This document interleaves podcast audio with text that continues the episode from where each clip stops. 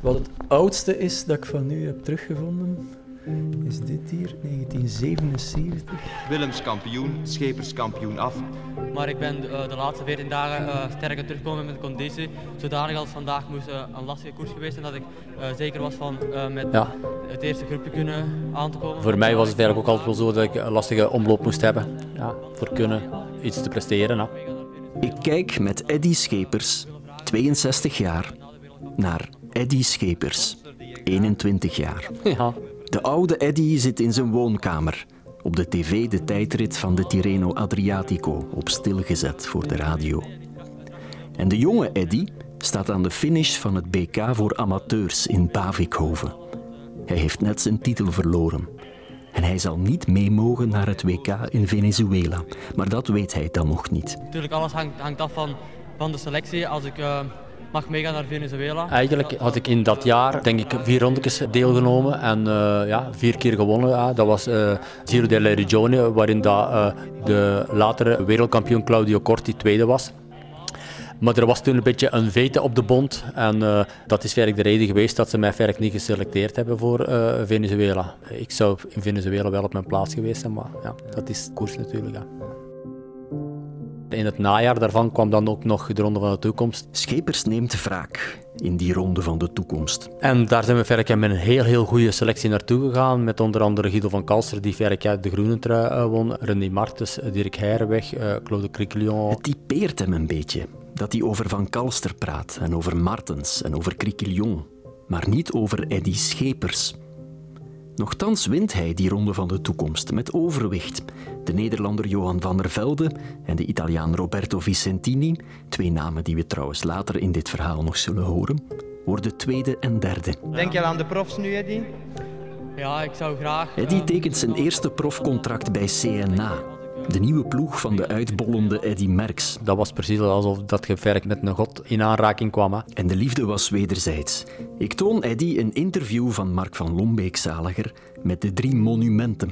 Eddy Merckx, Rick van Looy en Rick van Steenbergen. En zij krijgen de vraag, elk om beurt, wie zij als hun opvolgers zien. Fons de Wal. Rick van Steenbergen. Zegt nou, dat, dat zijn geen vedetten, maar dat is een jongen die ook weg is misschien van de ene te worden. Die het over Fons de Wolf heeft.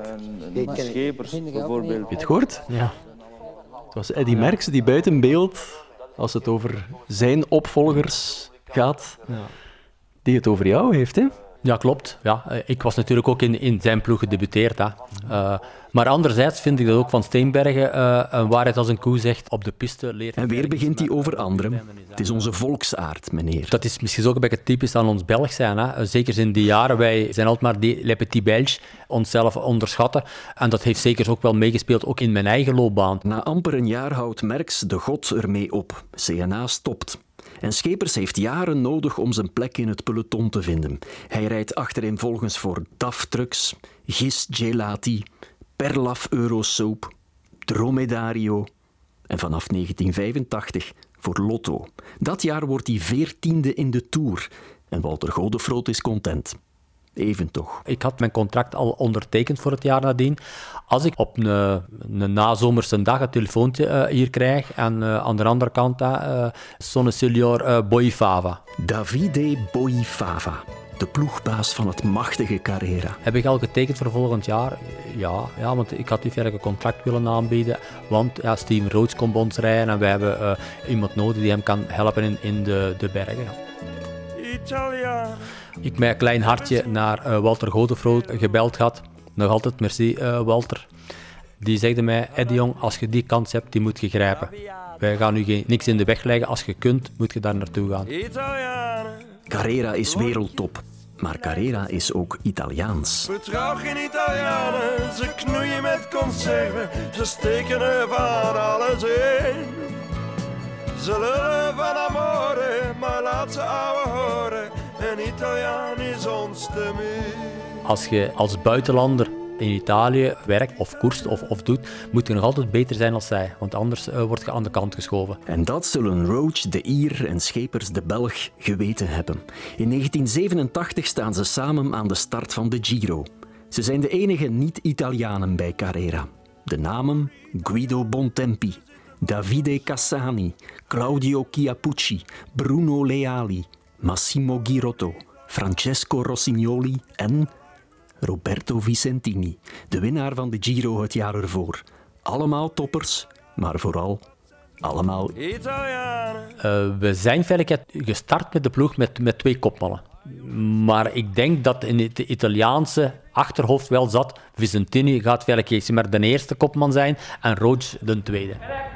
De Giro start met een proloog in Sanremo, die Vicentini meteen wint. En Sanderendaags een daaltijdrit op, of liever van de Poggio, die Roach wint. Het ploegsucces is overweldigend, want... In de Ronde van Italië is vandaag de derde rit gereden. Het was een ploegentijdrit over 43 kilometer.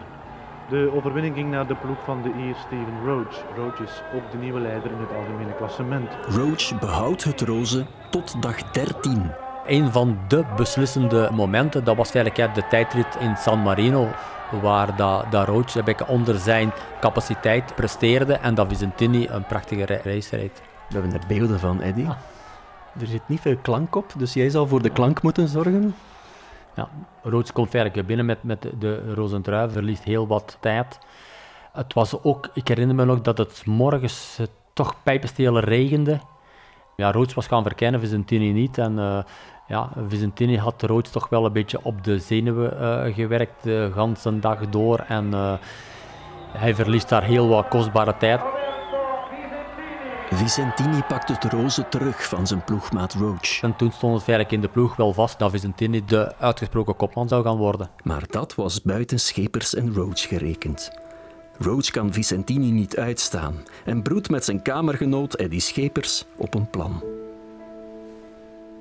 Dat wij de ploeg wel zouden steunen daar waar het nodig eh, was, maar dat we in eerste instantie verrek ja, voor Roach zouden gaan kiezen. Maar als het natuurlijk echt op ploegenspel aankwam, ja, was natuurlijk wel de ploeg die, die primeerde. Uh, en dat maakt dat je naar bepaalde opportuniteiten moet gaan, gaan kijken, hè, die er dan ook nadien gekomen zijn. Hè. De eerste opportuniteit komt er in de vijftiende etappe. Een dolomietenrit met aankomst boven in Sapada. En op een bepaald moment rijden we bergsken op, ik weet niet, van derde of vierde categorie. Roods altijd vooraan rijden. Ja, uh, hij passeert met de drie, vier eerste. Hij gaat mee in het wiel, er is een, klein breuk en hij, hij rijdt vooruit. En dan zegt Roods, ja, waarom zou ik nu niet mogen meerijden? Laat de andere uh, ploegen achter mij maar koersen. En Carrera, die toch eerder wilde dat Vicentini zou, zou winnen, die zeggen, ja, nee, nee, nee, uh, Vicentini is hier de man en, en jij mocht niet rijden. Roods is blijven rijden en uh, de ploeg heeft toen maar, de, de ganse Carrera-ploeg in achtervolgen gezet. Buiten ene persoon, dat was ik, want ik heb gezegd, nee, achter Roods rijden, dat doe ik niet. Op zijn Italiaanse ploegmaten moet hij niet rekenen. Zij plooien voor de woedende Davide Boifava. Ik was er alleen nog bij Roach als ploegmaat. toen kwam uh, David Boifava bij de wagen langs ons gereden en zegt, skippers, wachten. Op Vicentini. Ja, uh, ja, en dat was natuurlijk een rechtstreekse instructiewerk van uw baas. Ja, toen zegde ik tegen Steven, ik zeg, luister, als jij nu zorgt voor mij volgend jaar, ja, ik wil zeggen, als je volgend jaar ergens naartoe gaat en ik kan bij u meegaan, ook voor mijn brood te verdienen, dan blijf ik bij u. En uh, hij zegt, hier blijven. Misschien moeten we er even naar kijken, hè, want er zijn ook weer beelden van. Van de Velde. Ja. Van der Velde wint die rit, hè? Ja. ja. ja. Vicentini krijgt zeven minuten aan zijn broek en Roach pakt het roze terug. Het verhaal is nu minzaam bekend op het internet als Il Tradimento di Sapada. Het verraad van Sapada. Hier komt dan Vicentini op achterstand binnen. Ja. Het is trouwens zo dat uh, die avond van uh, Sapada, dat de grote baasaffaire van Carrera uh, per helikopter arriveerde naar ons hotel, dat er gevreesd werd dat we alle twee naar huis gezonden zouden worden. En dat zou ook zo geweest zijn, moest Roach niet de roze trui uh, gehad hebben, maar hij heeft eigenlijk voor enkele seconden de roze trui kunnen behouden. En uh, dat is eigenlijk een beetje ons geluk geweest. Roach wordt volksvijand nummer 1. En samen zweerder Eddie Schepers volksvijand nummer 2. Ik denk ook dat de dag nadien dat er een etappe was die uh, over de Marmolada-gletsjer ging, de Fedaya. En ehm, bij het aanzetten daarvan ja, ging Drek Vicentini demareren en ik ging hem halen. En uh, hij heeft me toen verder willen de kant inrijden, uh, maar dat is dan ja, niet gelukt. En ja, het volk was natuurlijk heel vijandig, vooral naar Roach toe. En hij was goed herkenbaar uh, met, met zijn roze trui, de leiderstrui die hij had. De zwaantjes, zoals dat wij zeggen, die gingen feitelijk met de laarzen vooruit de berg oprijden voor ons en vooral voor Roach te beschermen tegen de, de tifosi die zo slechte bedoelingen nog hadden. Ze zouden Roach veilig van de fiets hebben, hebben uh, willen trekken. En dat heeft geduurd, nu mogen we geloven of niet, tot de laatste dag feitelijk van de Giro. Maar de Ier en de Belg houden stand. Roach wint de Giro van 87. En daar is, behalve hij zelf en zijn trouwe luitenant Eddy Schepers, niemand in Italië blij mee. Wat ook tekenend is, dat is dat Roach en ikzelf s'avonds na de laatste rit direct naar uh, vertrokken zijn. Er is, is, geen feestje geweest, er is niks geweest. Wij zijn direct richting Parijs gereden, naar, naar zijn woonplaats, de ganse nacht door, doorgereden. De zakken en de zegenpalm in de koffer rijden ze in één stuk naar Parijs. En in het naar huis rijden met de wagen waren we zo'n beetje te overwegen. Ja, eh, als we nu contractbreuk zouden doen of ze gaan ons buiten zetten, zou er dan een andere ploeg zijn die ons uh, zou laten starten in, in de Tour die drie weken later zou gaan beginnen. Zo midden in het seizoen.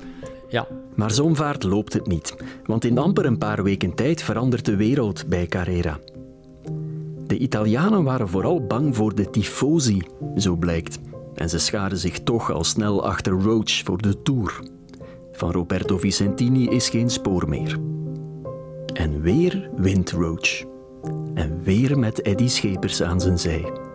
En de rest is geschiedenis. Wij zijn vorig jaar met de ganse ploeg samengekomen in Verona waar ik zeg maar niet alleen de, de ploegwerk van, van de Tour en van de Giro waren, maar ook nog andere uh, renners die ooit zowel met, met Carrera als Inoxpran uh, gereden heeft. En wie was de grote afwezige? Dat was uh, uiteraard Vicentini.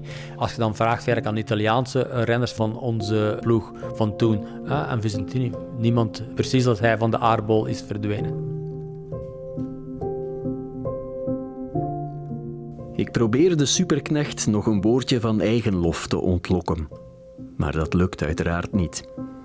Dan Mark Uiterhoeven maar. Steven Roach is 27. Het is zijn eerste grote ronde zege. Met de hulp van superknecht Eddy Schepers.